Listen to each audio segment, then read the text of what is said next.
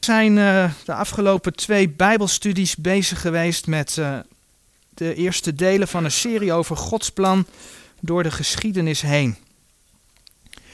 En in het eerste deel zagen we dat de Bijbel een heel bijzonder geschiedenisboek is. Het gaat over de geschiedenis van het begin dat de Heere God alles maakte, tot het nu, de eindtijd waarin wij leven, tot de nieuwe hemel en de nieuwe aarde, de toekomst.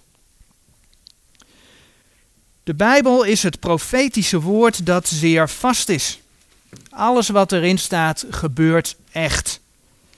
In de Heer Jezus heeft de Heer bewezen dat zijn woord de waarheid is. Maar dat brengt mij toch nog even bij het volgende. Wat je vaak hoort zeggen, is dat de Statenvertaling ook maar een vertaling is.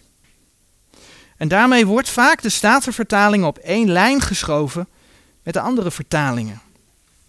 Maar wij weten dat dat een leugen is omdat de nieuwe vertalingen gebaseerd zijn op een andere soort handschriften. De oude vertalingen zijn komen vanuit Antiochieën en zijn vanuit Antiochieën de wereld overgegaan. En de vertalingen, die de, uh, de nieuwe vertalingen, zijn gebaseerd op handschriften die vanuit Alexandrië de wereld over zijn gegaan. En als je verhoudingsgewijs kijkt, is de overgrote meerderheid van de handschriften die ten grondslag liggen aan de vertalingen, de Statenvertaling, de King James, die uit Antiochieën komen, is de overgrote meerderheid, de witte hokjes in dit figuur, zijn de handschriften die daaraan ten grondslag liggen. En er zijn slechts eh, enkele handschriften die daar vandaan komen, die anders zijn. En juist die handschriften, die heeft men gebruikt om, nou ja, om de, eerder was het om de 30, 20, 50 jaar, tegenwoordig is het om de vier jaar geloof ik bijna, een nieuwe vertaling uit te geven. Het is een andere soort handschriften, een andere soort manuscripten. Maar sommigen beweren ook dat de Statenvertaling vertaald is door de gereformeerde broeders en dat er dus hier en daar woorden ongelukkig vertaald zijn. Maar in 2 Timotheus 3 vers 16 staat geschreven. 2 Timotheus 3 vers 16.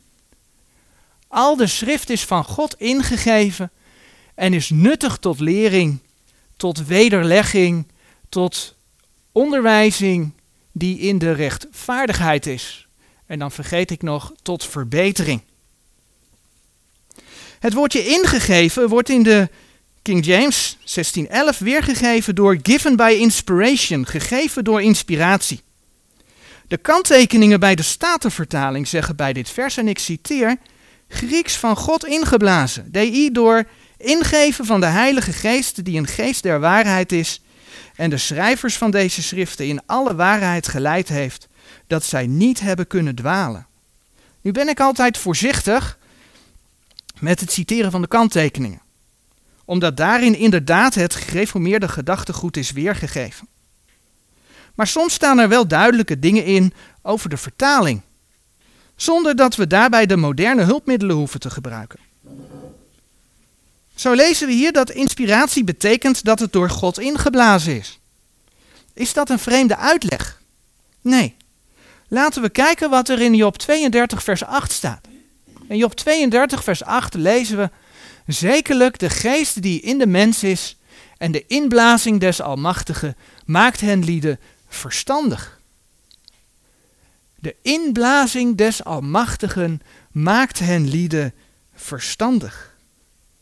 Of zoals 2 Petrus 1, vers 21 zegt. 2 Petrus 1, vers 21.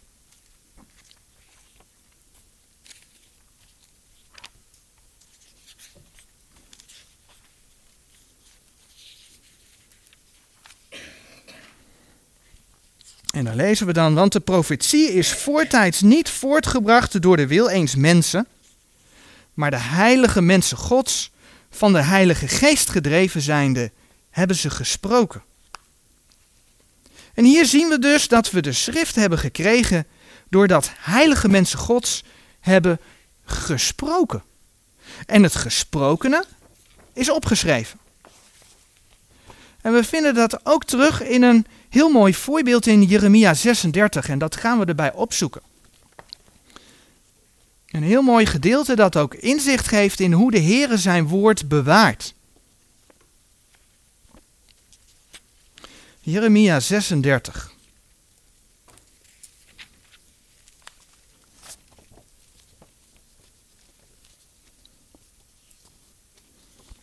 En in Jeremia 36, vers 2,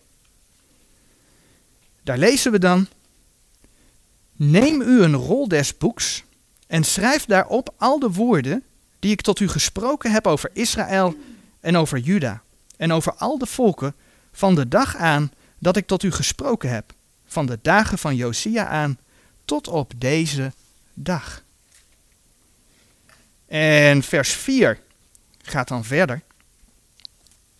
Toen riep Jeremia Baruch, de zoon van Neria, en Baruch schreef uit de mond van Jeremia alle woorden des Heren, die hij tot hem gesproken had, op een rol des boeks. Opnieuw zien we dat de woorden des Heren tot een profeet gesproken zijn. Maar dat in ieder geval in dit geval het notabene door een ander opgeschreven is. Hetzelfde zien we bijvoorbeeld bij Paulus gebeuren. Paulus' brieven zijn de schriften. Kun je onder andere lezen in 2 Petrus 3, vers 15 en 16. Daar worden hetgene wat Paulus schrijft ook de schriften genoemd. En Paulus wordt gezien als de menselijke auteur. Hè? Uiteindelijk is God de auteur, maar door de hand van Paulus. Door de mond van Paulus. Kijk maar in Romeinen 1, vers 1. Hè? In de brieven zie je altijd Paulus aan die en die. Alhoewel Paulus ze niet allemaal met de eigen hand geschreven heeft. Zo is Romeinen, en dat kun je vinden in Romeinen 16, vers 22. Romeinen is geschreven door Tertius. Inspiratie heeft met adem te maken. En daarom is het een proces dat via de mond plaatsvindt. Baruch heeft dus alle woorden des Heren, die de Heere door Jeremia gesproken heeft, opgeschreven. En die boekrol behoort tot de schriften. En dan komen we terug bij 2 Timotheus 3 vers 16, waar staat al de schrift is van God ingegeven. Als je naar een willekeurige christelijke organisatie gaat, dan zeggen ze altijd, al de schrift is van God in de oorspronkelijke handschriften ingegeven. En dat geeft de organisaties de vrijheid om namelijk van het, over het bewaarde woord van God aan te passen naar eigen inzicht. Daar kom ik zo op terug. Maar we gaan 2 Timotheus 3 vers 15 erbij opzoeken. Die boekrol van Jeremia behoort dus tot de schriften. En zo spreekt 2 Timotheus 3 vers 16 ook over de schriften die door God ingegeven zijn. 2 Timotheus 3, vers 16. Maar dan lezen we de context, vers 15, als volgt. En dat gij van kinds af de heilige schriften geweten hebt, die u wijs kunnen maken tot zaligheid, door het geloof, het welk in Christus Jezus is. De schriften waar Paulus tegenover Timotheus het over heeft, zijn niet de oorspronkelijke geschriften van Mozes, want die waren er niet meer. Dus de schrift die God ingegeven heeft door zijn adem, betreft hier in de context niet de oorspronkelijke geschriften, maar het betreft de woorden zoals de Heere die bewaard heeft en zoals Timotheus ze daar in handen heeft. En een bevestiging daarvan vinden we onder andere in Romeinen 16, vers 25 tot en met 26. In Romeinen 16, vers 25 en 26, daar staat geschreven, het staat hier op de dia. Je mag het er ook bij zoeken. Maar daar staat geschreven, hem nu die machtig is u te bevestigen naar mijn evangelie.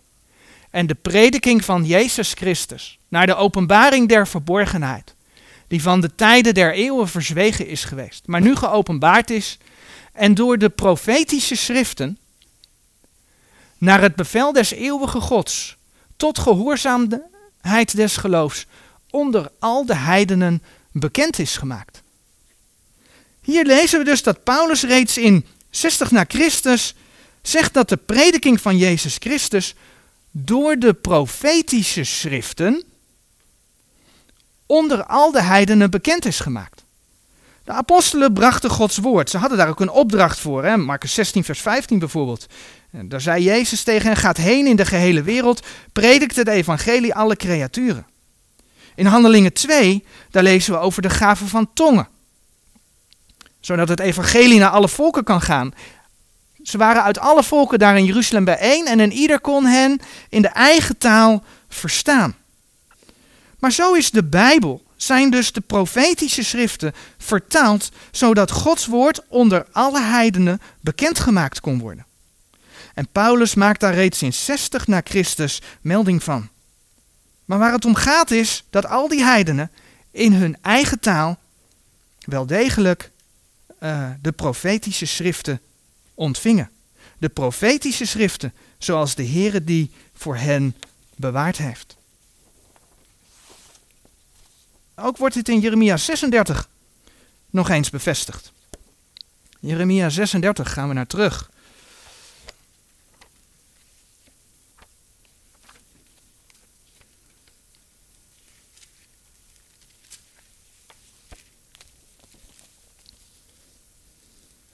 Want wat gebeurt er met de boekrol van Jeremia? Die boekrol van Jeremia die wordt door koning Joachim verbrand. En dan lezen we in Jeremia 36, vers 32 het volgende. Dat is nadat die boekrol verbrand is. Jeremia dan nam een andere rol en gaf ze aan de schrijver Baruch, de zoon van Neria, die schreef daarop uit de mond van Jeremia al de woorden des boeks dat Joachim, de koning van Juda, met vuur verbrand had. En tot dezelfde werden nog vele diergelijke woorden toegedaan. Het origineel, door de Here geïnspireerd, was dus vernietigd. En er wordt een tweede gemaakt, waarin al de woorden van het eerste boek werden opgenomen, maar er werden ook nog meer woorden aan toegevoegd. Oftewel, het tweede boek was uitgebreider dan het eerste. En dat onder Gods opdracht. Want Jeremia kreeg hier van God de opdracht voor. Kijk maar in vers 27 en 28. Daar waar wij mensen niet aan de schrift mogen toevoegen, staat op verschillende plekken in Gods woord, onder andere Spreuken 30 vers 6. Daar zien we dat de Heere wel aan zijn eigen woorden heeft toegevoegd. Het origineel geïnspireerde geschrift hoeft dus niet overeen te komen met het door de Heere bewaarde woord van God. En dan te bedenken dat de Heere beloofd heeft om zijn woord voor ons te bewaren. Een hele mooie tekst in Psalm 12, vers 7 en 8, die luidt: De redenen des Heeren zijn reine redenen, zilver gelouterd in een aardesmeltkroes, gezuiverd zevenmaal. Gij, Heere, zult hen bewaren Gij zult hen behoeden voor dit geslacht tot in eeuwigheid. De vruchten van de Statenvertaling laten zien dat dat boek Gods adem draagt. Er zijn vele grote opwekkingen in de geschiedenis geweest. En dat is niet alleen van de Statenvertaling, maar dat is in de tijd dat de Reformatietekst over de aarde ging. De tijd dat de King James er kwam. De tijd dat de Statenvertaling er kwam. En die ook weer in andere talen doorvertaald zijn. Er zijn grote opwekkingen geweest. Maar sinds de nieuwe vertalingen verschijnen, zijn we aangeland in een periode van afval van het geloof. En dat maakt dat ik geloof dat de Statenvertaling in het Nederlands het bewaarde woord van God is. En dat maakt dan ook dat ik niet de uitspraak zal doen dat sommige woorden ongelukkig vertaald zijn. Hele mooie voorbeelden, het woord uitverkiezing. Dat staat in de Statenvertaling. Maar als wij schrift met schrift gaan vergelijken, dan zien we dat bijbelse uitverkiezing een andere betekenis heeft dan dat wat Calvijn of de reformatorische broeders ervan gemaakt hebben. Het duizendjarig vrederijk, het koninkrijk waarin de Heer Jezus op aarde zal regeren, is iets wat de reformatoren niet geloven. Net zo goed past de tekst Wat verhindert mij gedoopt te worden, indien gij van ganse harte gelooft, zo is het geoorloofd. Hè? Handelingen 8, vers 36 en 37. Past niet binnen de reformatorische leer, maar het staat wel in Gods woord. En waarom? Omdat God over zijn woord gewaakt heeft en waakt. Wat er bij de meeste bijbelscholen gebeurt, is dat zij het liefst meerdere vertalingen hebben. En daarnaast de kritische Griekse tekst. Want wat krijg je dan? Dan zijn zij de autoriteit. Zij bepalen dan overeenkomstig hun leer wat er volgens hen in Gods woord hoort te staan. Zij beslissen dan wat correct is. Maar wanneer wij gaan zeggen dat sommige woorden in de Statenvertaling ongelukkig vertaald zijn, welke woorden zijn dat dan? Wie bepaalt er vervolgens wat er correct is? En dan begeven we ons op hetzelfde terrein als de Bijbelscholen doen. Dan gaan wij zelf de autoriteit worden. En dat is waar wij voor moeten oppassen. God heeft zijn woord bewaard. En wij moeten buigen voor dat woord. Zoals de Heere zegt in 2 Petrus 1, vers 19 en 20. En wij hebben het profetische woord dat zeer vast is. En gij doet wel dat gij daarop acht hebt als op een licht schijnende in een duistere plaats. Totdat de dag aanlichte en de morgenster opgaat in uw harten. Dit eerst wetende, dat geen profetie der schrift is van eigen uitlegging.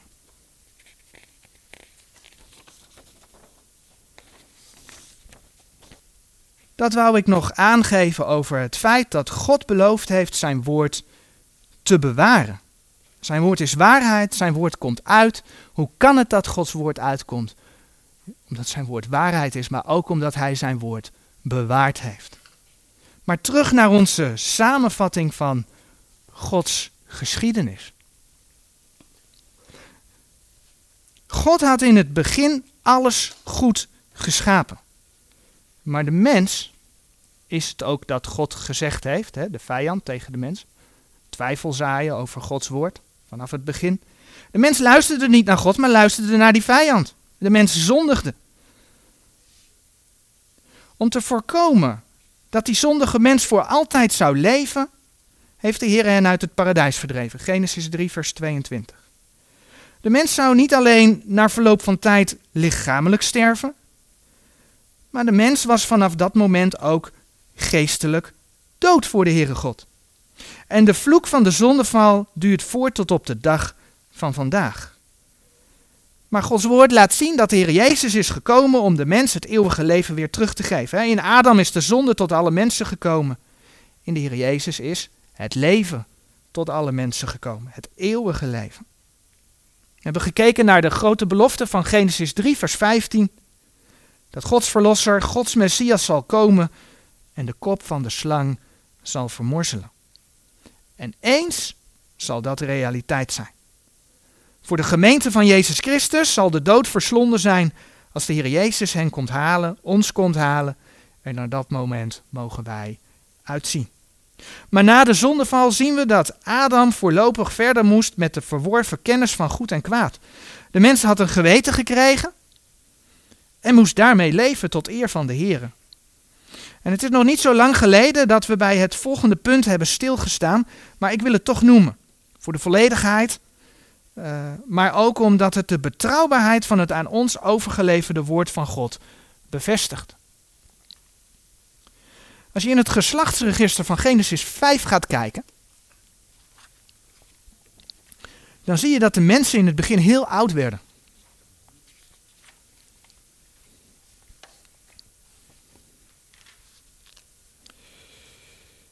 Adam, Genesis 5 vers 5, die werd 930 jaar. Seth, vers 8, werd 912 jaar. Jered, vers 20, werd 962 jaar. Methuselah werd, vers 27, 969 jaar. En Noach, en daarvoor moet je naar Genesis 9, vers 29, werd 950 jaar. En Sem, doorbladerend naar Genesis 11, vers 10 en 11, Sem werd 600 jaar. Er zijn mensen die dat ten opzichte van de zondvloed in een schemaatje hebben gezet. En dan krijg je zo'n overzichtje. En wat je dan ziet, is dat eh, bijvoorbeeld Henoch en zijn zoon Methuselah gekend zijn door Adam. Hier heb je de lijn van Adam. En dan zie je dat Henoch en Methuselah leefden samen met Adam. Op dezelfde manier zie je dat Sem, de zoon van Noach, die zie je hier staan, die heeft Abraham, Isaac en Jacob. Die leeft in dezelfde tijd als Abraham, Isaac en Jacob. Oftewel de eerste 2157 jaar van de geschiedenis. Van de 6000 jaar geschiedenis van deze aarde volgens de Bijbel. Wordt gedekt door de levens van drie mannen. Wiens levens elkaar overlappen. Noach die had bijvoorbeeld minstens zes levende voorouders die Adam persoonlijk gekend kunnen hebben. Waarom is dat belangrijk om te zien? Omdat men vaak beweert dat door de mondelinge overlevering van de Bijbel, zeker in de beginperiode, de Bijbel niet erg betrouwbaar is. In de Bijbel hebben we dan wel een scheppingsgeschiedenis, zegt men, men, maar we moeten dan volgens velen wel beseffen dat de details niet echt betrouwbaar zijn. Want ja, het is natuurlijk wel zoveel eeuwen doorverteld, van mond op mond. En dat zie je in christelijke films, dat dat ook verwerkt is. Maar gezien het feit wat wij gezien hebben, hoe dat in het begin, hoe dat in het begin ging, is die stelling van dat eeuwen doorverteld van mond op mond, is niet echt houdbaar. Natuurlijk geloven wij dat de Heer zijn woord geïnspireerd heeft en dat hij Mozes geleid heeft bij het opschrijven van de eerste boeken van Gods woord. Maar ik denk dat dit schema uh, extra onderbouwt hoe de Heer ook in de begintijd waakte over de overlevering van zijn woord.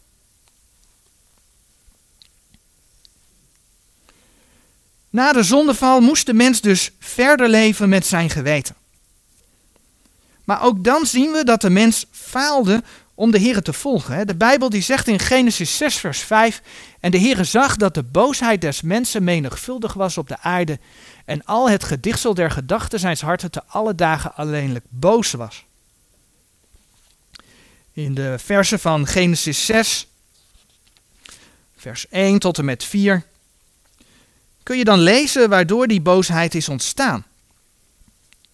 Genesis 6, vers 2 zegt dat Gods zonen de dochteren der mensen aanzagen dat zij schoon waren en zij namen zich vrouwen uit alle die zij verkoren hadden.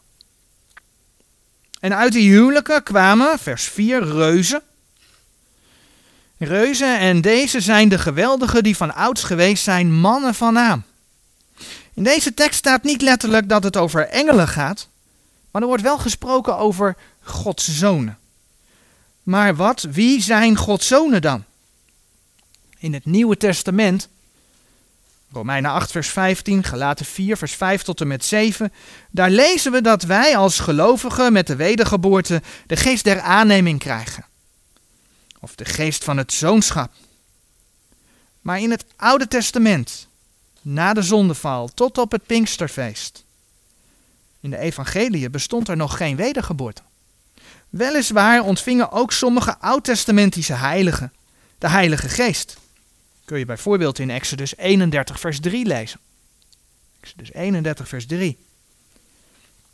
Maar de Heilige Geest, als zo'n oud-testamentische heilige zondigde, ging ook weer weg. Dat kun je bijvoorbeeld in 1 Samuel 16 vers 14 lezen en de Richteren 16 vers 20. Saul is zo'n mooi voorbeeld. Simson is zo'n mooi voorbeeld. Waarin je dat ziet gebeuren. De oud-testamentische gelovige werd dan ook niet ingedoopt in het lichaam van de Heer Jezus. Als wij de Heilige Geest ontvangen door tot geloof komen, zijn we verzegeld. Wij zijn daarvan verzekerd, maar in het Oude Testament gebeurde dat niet. 1 Korinthe 12, vers 13. Deze mensen konden daardoor dus ook geen kinderen of zonen Gods worden. Dat de wedergeboorte in het Oude Testament nog toekomst is, blijkt ook uit het feit en dat vond ik op zichzelf wel mooi om te lezen, dat de wedergeboorte in het Oude Testament geprofiteerd wordt. Psalm 22, dat is wel mooi om erbij te pakken. Psalm 22 laat zien, gaat over het lijden en het sterven van de Heer Jezus.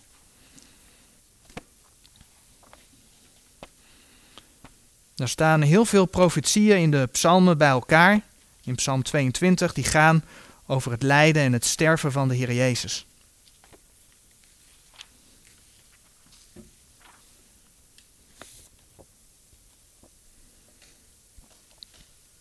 En aan het eind van deze psalm, daar lezen we dan in vers 32 het volgende. Zij zullen aankomen en zijn gerechtigheid verkondigen den volke dat geboren wordt, omdat hij het gedaan heeft. Wie heeft het gedaan? Wie heeft er voor ons geleden? Wie gaat er koning worden? Dat is de Heer Jezus Christus. Hij heeft het gedaan. En door de Heer Jezus wordt er een volk Dit is een profetie van de wedergeboorte. Overigens, er is één persoon in het Oude Testament uitgezonderd. En dat kun je in Lucas 3, vers 38 zien. Dat is Adam. Adam wordt in Lucas 3, vers 38 de zoon van God genoemd.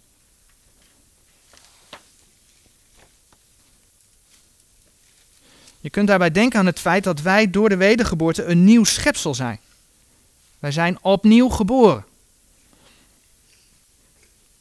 Adam was niet opnieuw geboren. Adam was in zonde gevallen. Maar toen Adam door God gemaakt werd, werd geschapen werd, werd hij naar Gods beeld geschapen. En in die zin was Adam de zoon van God. Maar Gods zonen in de tekst van Genesis 6, vers 2 kan dus verder geen betrekking hebben op mensen. Want in het Oude Testament kwamen verder geen zonen Gods als mensen voor. Wel komen we in Job, Job 1, vers 6, het volgende tegen.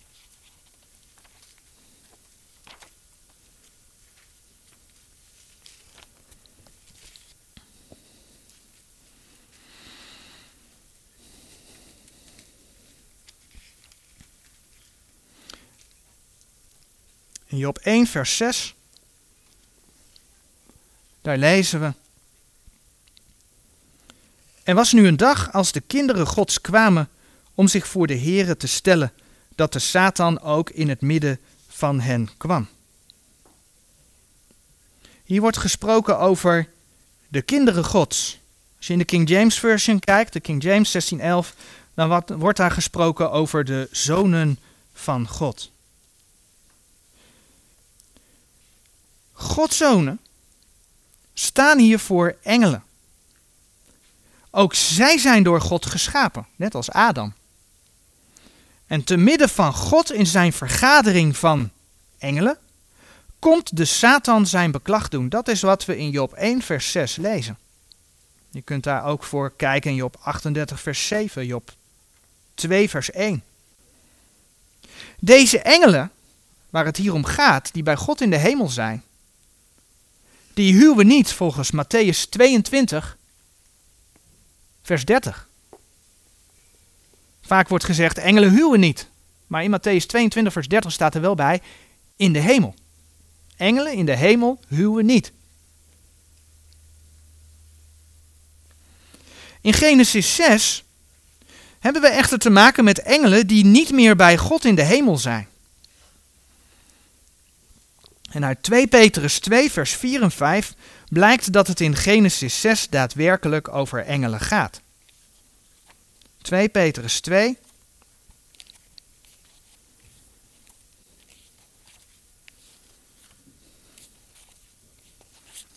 Twee Petrus 2, vers 4. Daar lezen we 2 Petrus 2, vers 4. Want indien God de engelen die gezondigd hebben niet gespaard heeft, maar die in de hel geworpen hebbende overgegeven heeft, gegeven heeft aan de ketenen der duisternis, om tot het oordeel bewaard te worden. En de oude wereld niet heeft gespaard, maar Noach, de prediker der gerechtigheid, zijn achtal bewaard heeft, als hij de zonvloed over de wereld der goddelozen heeft gebracht. Genesis 6 spreekt dus over het feit dat er engelen op aarde zijn gekomen. Engelen die in opstand waren tegen God. Die zich vermengd hadden met de dochters der mensen. En dat, is, dat dat mogelijk is, laat de Bijbel ook nog op een andere plaats zien. Judas 6. Judas 6 zegt: En de engelen die hun beginsel niet bewaard hebben, maar in eigen woonsteden verlaten hebben, heeft hij tot het oordeel van de grote dag met eeuwige banden onder de duisternis bewaard. Deze engelen verschenen op aarde, hadden contact met de dochters der mensen. Daarvoor hebben zij hun eigen woonsteden, zegt Judas 6, verlaten. Hun geestelijk lichaam hebben ze verruild voor een aards lichaam. Zij verschenen als mannen en konden zich daardoor vermengen met de dochters van de mensen. Maar mogen we die woonsteden, hè, waar Judas 6 over spreekt, mogen we dat vergelijken met, uh, met, uh, met een lichaam? Ja, want ook Paulus vergelijkt zijn lichaam bijvoorbeeld met een tent. In 2 Korinthe 5 vers 4, daar lezen we, want ook wij die in deze tabernakel zijn, zuchten, bezwaard zijnde, aangezien wij niet ontkleed, maar overkleed willen worden, opdat het sterfelijke door het leven verslonden worden. Want ook wij die in deze tabernakel zijn, een tabernakel is een tent. Paulus heeft het over zijn lichaam als een tent. En Paulus noemt hier dus het verwisselen van het aardse lichaam voor het geestelijke. Het verwisselen van tent, van woonsteden. De gevallen engelen die deden dat alleen andersom. Zij verwisselden van tent, van soort lichaam en vermengden zich met de dochters der mensen. En uit die vermenging, Genesis 6, vers 4 en 5, kwamen dus reuzen voort. Een extreem goddeloos geslacht, volgens die versen in Genesis 6. De Griekse mythologie van goden, halfgoden, berust dus niet op totale verzinsels, Zeus, Olympus, noem maar op. Dat wat de mens als goden is gaan verheerlijken, de mythologie, was er vermenging van mensen met onderdanen van de duivel. Vandaar dat de reuzen, vandaar dat de extreme goddeloosheid en boosheid in die dagen er was. En God moest oordelen en God stuurde de zondvloed. Noach was de enige die naar God luisterde. In Genesis 6, vers 8 en 9, daar lezen we: Maar Noach vond genade in de ogen des Heren. Dit zijn de geboorten van Noach. Noach was een rechtvaardig man. En let op die opmerking, hè. we hebben het over de vermenging van mensen met, met uh, gevallen engelen gehad. Noach was, een, uh, was rechtvaardig, een, op, rechtvaardig, oprecht man in zijn geslachten. Noach wandelde met God. En God liet Noach een ark bouwen. Genesis 6, vers 14 en volgende. Hij en zijn gezin en van alle dieren een paardje, behalve van het reine vee. Van het reine vee gingen zeven mannetjes en zeven vrouwtjes mee. En die gingen in de ark en werden gered. En misschien dat je je afvraagt, grijpt God dan zomaar in op zo'n manier, zonder de mensen te waarschuwen? God heeft de mensen wel gewaarschuwd. En het staat niet direct in Genesis te lezen. Maar eh, de Bijbel laat dat elders wel zien. En eigenlijk hebben we dat al gelezen in 2 Petrus 2, vers 5. Wordt Noach een prediker der gerechtigheid genoemd. Ik lees het nog een keer voor. 2 Petrus 2, vers 5.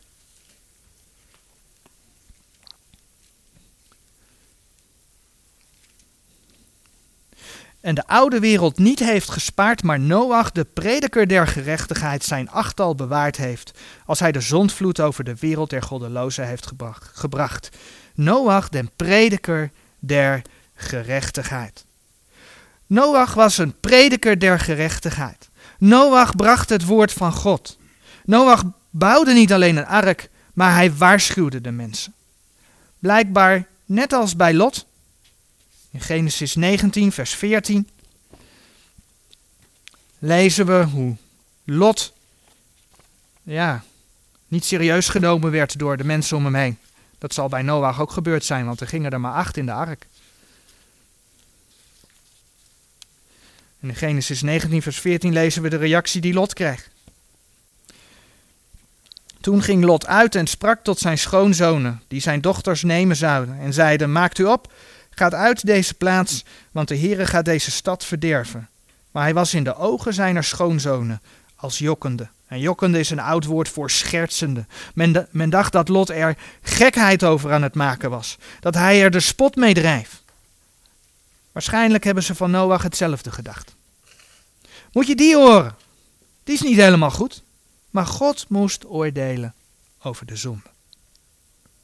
En ook vandaag hoor je dat wel zeggen. Alleen dan vanuit de andere kant.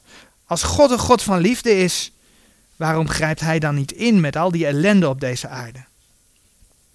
De Heer is nog niet, toch nog niet gekomen, omdat Hij wil dat alle mensen behouden worden. En die tekst hebben we wel vaker gelezen, toch wil ik hem uh, nog een keer lezen. 2 Petrus 3.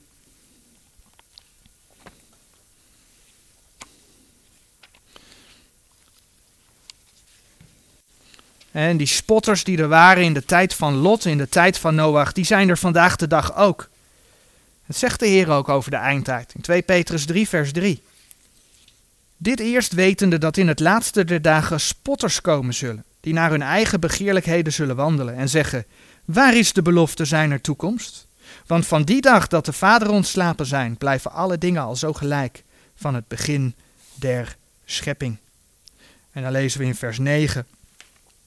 De Heere vertraagde de belofte niet, gelijk enige dat traagheid achter. Maar is langmoedig over ons, hij is geduldig. Niet willende dat enige verloren gaan, maar dat zij alle tot bekering komen. En daar ligt het geheim. De Heer is nog niet gekomen, omdat iedereen die zich nu nog bekeert alsnog bij de gemeente hoort en straks voor altijd bij hem zal zijn. Dat is het antwoord voor nu. En deze dagen lijken op de dagen van Noach, zegt Gods woord. In Matthäus 24, vers 37 tot en met 39 staat geschreven.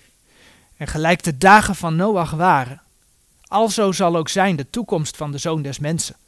Want gelijk zij waren in de dagen voor de zondvloed, etende en drinkende, trouwende en ten huwelijk uitgevende, tot de dag toe in welke Noach in de ark ging, en bekenden het niet, totdat de zondvloed kwam en hen alle wegnam. Alzo zal ook zijn de toekomst van de zoon des mensen. Dit gedeelte gaat vlak over de, over de periode vlak voor de tweede komst van de Heer Jezus. Dan zijn wij al minimaal zeven jaar bij de Heer Jezus in de hemel. Maar we zien wel de tekenen der tijden. We zien dat het daarheen snelt met alles wat er om ons heen gebeurt. Ook nu leeft de mens gewoon door. Mensen eten, mensen drinken, mensen huwen, net als anders. En ook nu klinkt nog steeds Gods boodschap. Maar mensen willen het niet. Men wil zich tegenwoordig liever richten op toverij en magie. Op school in een discussie over wel of geen sprookjes in de klas stelt men rustig de vraag of je überhaupt wel bijbelteksten moet gebruiken in die discussie. En dat terwijl de Bijbel waarschuwt tegen toverij. Als je die versen opzoekt, Deuteronomium 18 vers 10, Jesaja 47 vers 9, Gelaten 5 vers 19 tot en met 21, dan laat het geen onduidelijkheid over, zeg maar. Gods woord is duidelijk. Ook richt men zich liever op de vermenging met buitenaardse wezens, de gevallen engelen. In het kader van de tekenen der tijden hebben we daar al wel eens bij stilgestaan. Hoe mensen vandaag de dag gericht zijn op buitenaards leven. Reeds in de jaren 70 van de vorige eeuw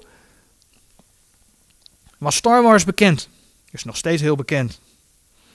In de jaren 90 besteedde Discovery Channel reeds vele uren aan uh, het bestaan van UFO's. En uh, ondertussen is er menige film of documentaire die over buitenaards leven gaat verschenen. En dat het ondertussen niet alleen maar om fantasieverhalen gaat die mensen moeten vermaken, blijkt uit het feit dat kranten regelmatig aandacht besteden aan UFO's. Unidentified Flying Objects ongeïdentificeerde vliegende objecten. En in feite zou het om een vogel of iets anders kunnen gaan, wat men niet uh, weet te herkennen. Maar meestal koppelt men dit tegenwoordig aan het bestaan van buitenaards leven. En zelfs het Vaticaan heeft het erover dat ze best wel marsmannetjes zou willen dopen. Overigens, deze bericht heb ik eerder gebruikt, dus die Deze krantenberichten zijn al uit 2014.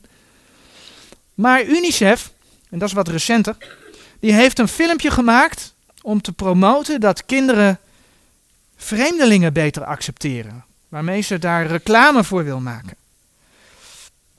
En dat filmpje dat zegt genoeg.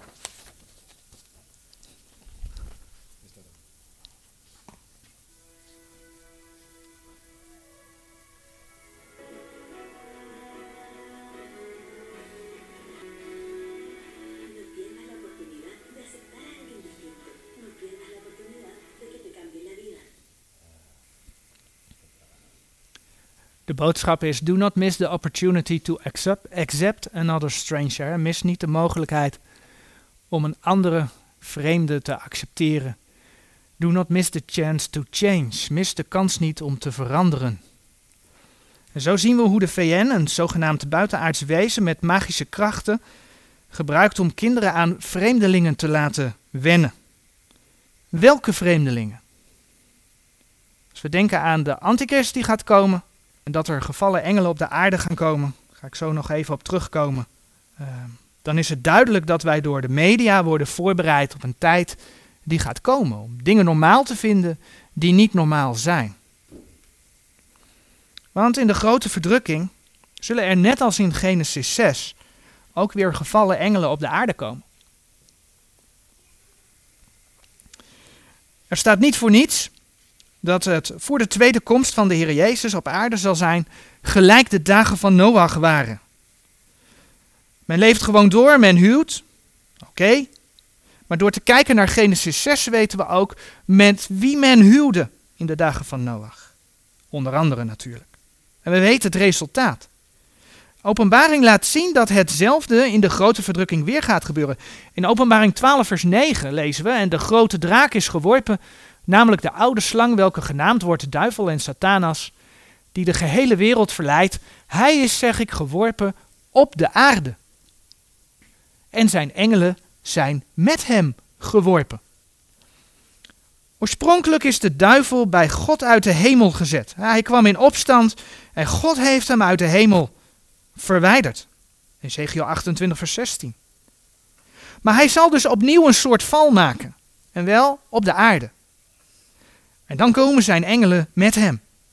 Er zullen dus opnieuw gevallen engelen op de aarde komen. En uit de geschiedenis weten we wat er dan gebeurt.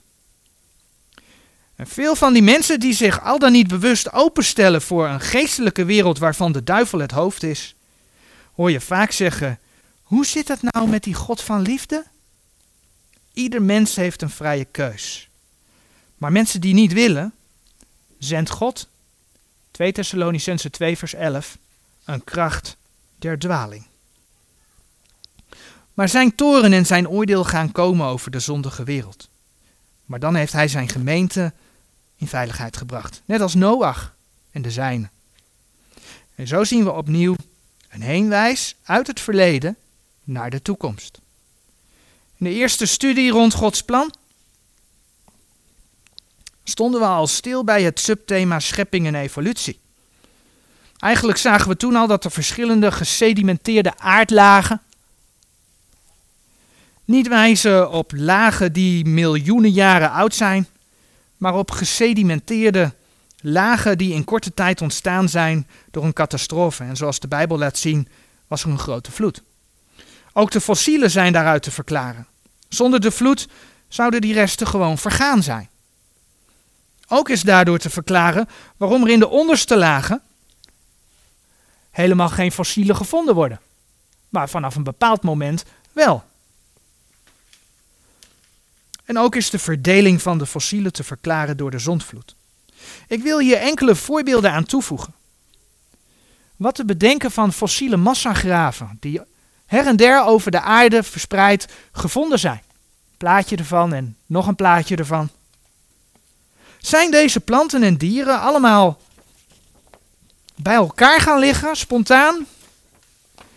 En daar spontaan samen op een natuurlijke wijze om het leven gekomen om daar fossiel te worden. Al zouden ze spontaan bij elkaar gaan liggen en er was niet een grote vloed geweest, dan was alles vergaan. Maar dat even terzijde. Of verklaart dit heel gewoon dat er een vloed was waardoor ze overvallen zijn? Of door een vloed bij elkaar gespoeld zijn? Evolutie heeft daar geen verklaring voor. Gods woord wel. Zo komen we in diverse bronnen gefossiliseerde bomen tegen. Bomen die dwars door verschillende aardlagen gaan. Ook hier zie je dat. Als dit in miljoenen jaren ontstaan zou zijn, dan was die boom verrot geweest.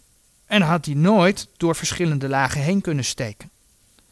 Een verklaring die wel kan, is de verklaring van Gods woord. Een catastrofe zoals de zondvloed, die ervoor zorgt dat rondom een boomstam zoveel sedimenteert dat er onder hoge druk verschillende lagen ontstaan, met daarin een fossiel van een boom. Maar als de Bijbel dan gelijk heeft, waarom worden er dan geen menselijke resten als fossiel of van grotere zoogdieren als fossiel in die lagere lagen, lagere aardlagen gevonden? Heel simpel, zij konden vluchten voor het wassende water. Naar de dichtstbijzijnde heuvel en of bergtoppen. Daar zijn ze verdronken. Maar hun lichamen zijn vergaan, omdat ze niet plotseling door die aardlagen bedekt zijn. En daarnaast heeft men van versteende pootafdrukken, uh, van pootafdrukken, die versteend zijn, heeft men ook gevonden, die richting de top van een heuvel en van bergen lopen. Een bewijs van vluchtend leven voor het opkomende water. Ik vond het een aantal mooie voorbeelden om dat in dit kader van de zondvloed ook nog een keer te benoemen. Er zijn bewijzen dat die zondvloed heeft plaatsgevonden. Alleen ja, als je niet in God wil geloven, dan moet je je vastklampen aan de evolutie. Het grootste sprookje voor volwassenen. Maar dan weer terug naar Noach. Nadat Noach de ark verlaat, maakt de Heer een derde verbond met de mens. En daarmee begint dan eigenlijk een nieuwe tijd. Ook dit verbond is onvoorwaardelijk. De mens hoeft er niets voor te doen. En we vinden het in Genesis 8 vanaf vers 21. Genesis 8 vanaf vers 21.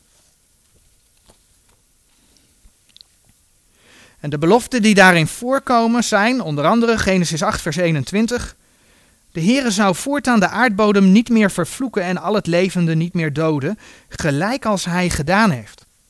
Want, Genesis 9, vers 11, er zal geen vloed meer over de aarde komen om die in haar geheel te vernietigen. Met de zondvloed liet God de mensheid zijn grote ja, haat tegenover de zonde zien. God wil geen zonde, zal de zonde straffen. Maar we zien ook Gods genade. Na de zondvloed belooft hij de aarde niet nogmaals op een dergelijke wijze te straffen. En in de tekst die ik net al aanhaalde, Genesis 8, vers 21, daar staat namelijk: En de Heere rook die liefelijke reuk, en de Heere zeide in zijn hart: Ik zal voortaan de aardbodem niet meer vervloeken om des mensen wil. Want het gedichtsel van des mensen hart is boos van zijn jeugd aan. En ik zal voortaan niet meer al het levende slaan, gelijk als ik gedaan heb. En daar zit het hem in, hè? Gelijk als ik gedaan heb. Door water zal de aarde niet meer vergaan. Maar in de toekomst zal de huidige aarde door vuur verbranden. In 2 Petrus 3, vers 10, daar staat: Maar de dag des Heren zal komen als een dief in de nacht, in welke de hemelen met een gedruis zullen voorbijgaan, en de elementen branden zullen en vergaan en de aarde en de werken die daarin zijn, zullen verbranden. En dan zal er een nieuwe hemel en een nieuwe aarde komen, 2 Petrus 3, vers 13. Tot die tijd zullen de seizoenen elkaar gewoon afwisselen. De Heere weet dat de mens zondig is, door de zondeval. De Heere heeft laten zien hoe hij de zonde haat. Maar hij geeft nu ook ruimte voor bekering. En daarom zal hij tot aan het einde van de aarde niet op een dergelijke manier straffen. Maar het einde, maar ook het oordeel van Gods toorn in de grote verdrukking zullen wel komen. Maar dit alles zal verlopen volgens zijn plan. Zijn plan die hij in zijn woord heeft uitgetekend, geopenbaard heeft. Want voor alles, prediker 3 vers 1, Je komt het ook in, in Daniel tegen, waar Daniel over de, onder andere over de grote verdrukking schrijft. Voor alles is een bestemde tijd. En ieder krijgt kans op redding aangeboden. Andere beloften uit dat verbond met Noach zijn. Genesis 8, vers 22, ik heb het al even genoemd. De seizoenen en de afwisseling van nacht en dag zijn door de Heeren vastgelegd tot aan het einde van de aarde. Genesis 9, vers 12 en 13 laten zien dat God als teken van het verbond de regenboog in de wolken heeft gegeven. En juist dat teken, juist dat teken wordt door de COC-beweging gekozen als symbool. Terwijl het Gods teken is. En we zien hoe de mensen God tergen. Maar God houdt zich aan zijn belofte. Daarnaast had de Heer nog een aantal opdrachten voor de mens in Genesis 9, vers 1 en 7.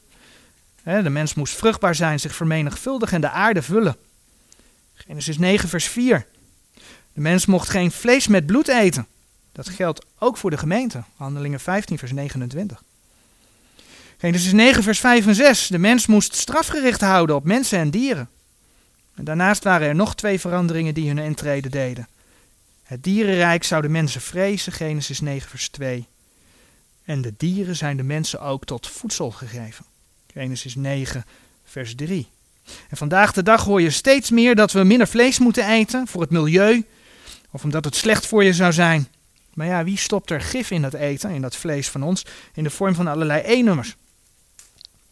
Dat doet de mens zelf. Vlees op zich is niet ongezond voor de mens om te eten.